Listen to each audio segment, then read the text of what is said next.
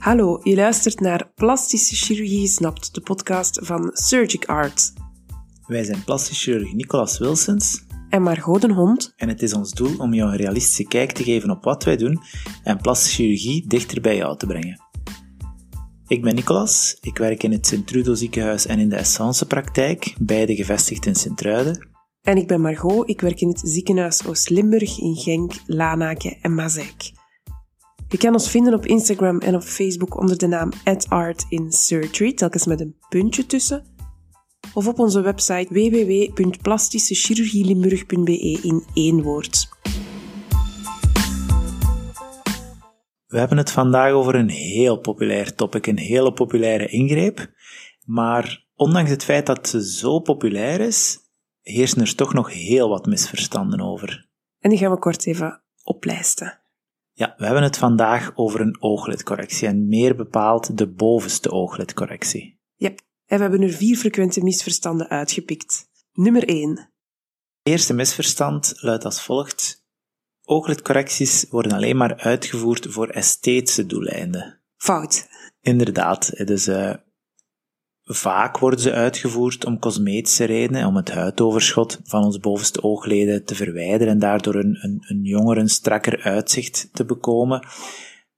Maar toch heel vaak kunnen ze ook functionele voordelen hebben, zoals bijvoorbeeld het verbeteren van het gezichtsvermogen bij hangende oogleden, dus het, ja, het, het opentrekken van het gezichtsveld eigenlijk. Yep, dus heel vaak is het een combinatie of werken we op de grens van esthetisch reconstructief, afhankelijk van de vraagstelling, van de uitgebreidheid van het huidoverschot en in welke mate dat de patiënt of dat de persoon in kwestie ook nog op zoek is naar esthetische verbeteringen van een geopende blik, meer vulling, een meer jeugdig uiterlijk. Dat hangt van de vraagstelling af. Ja, en waar wij als plastisch chirurgen toch wel aandacht voor hebben, is, is het geheel. Eh, nam- namelijk het bovenste ooglid inderdaad, maar, maar ook de relatie die het heeft tot het onderste ooglid, tot de wenkbrauw, tot de rest van het gelaat. Het is zelfs zo dat in bepaalde omstandigheden er een tussenkomst van het ziekenfonds kan zijn voor, eh, voor dit soort ingreep. Ehm, als je hier meer info over wenst, kan je gerust nog eens luisteren naar, naar onze eerdere podcast nummer 22, waar we hier eh, dieper op ingaan. Yes, en dat brengt ons ook bij het tweede misverstand. Ooglidcorrecties met tussenkomst van het ziekenfonds worden enkel door de oogarts uitgevoerd. Is dat zo?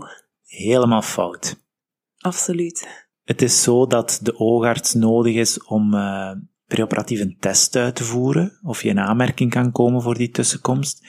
Maar eens je de goedkeuring van de adviserend geneesheer hebt, dan, dan maakt het niet uit. Dan kan ook de plastisch chirurg die ingreep uitvoeren met dan de tegemoetkoming van het ziekenfonds.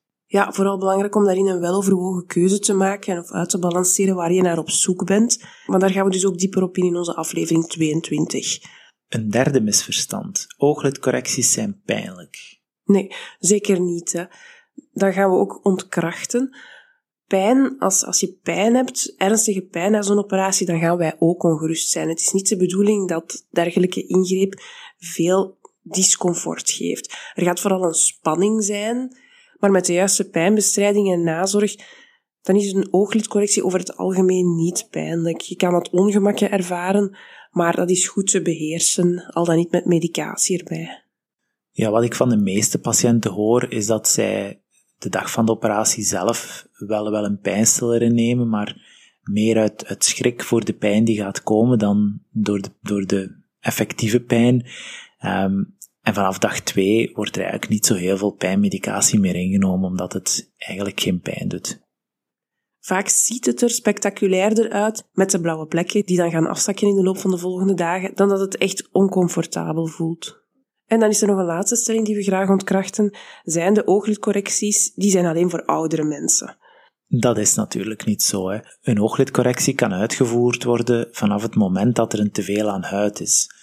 Het is natuurlijk zo dat hoe ouder we worden, door de veroudering van onze huid, dat dat huidoverschot zal toenemen.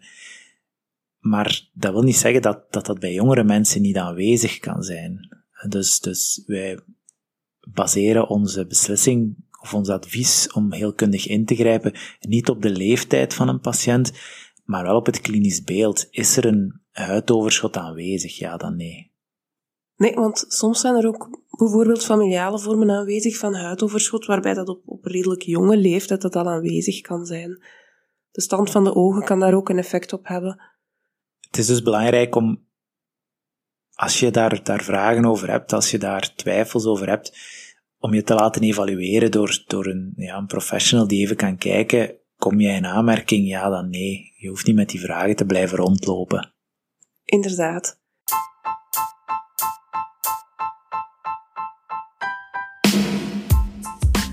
Zo, hopelijk hebben we nu weer wat misverstanden de wereld uitgeholpen. Dankjewel voor het luisteren en tot de volgende keer. Tot de volgende keer. Dag.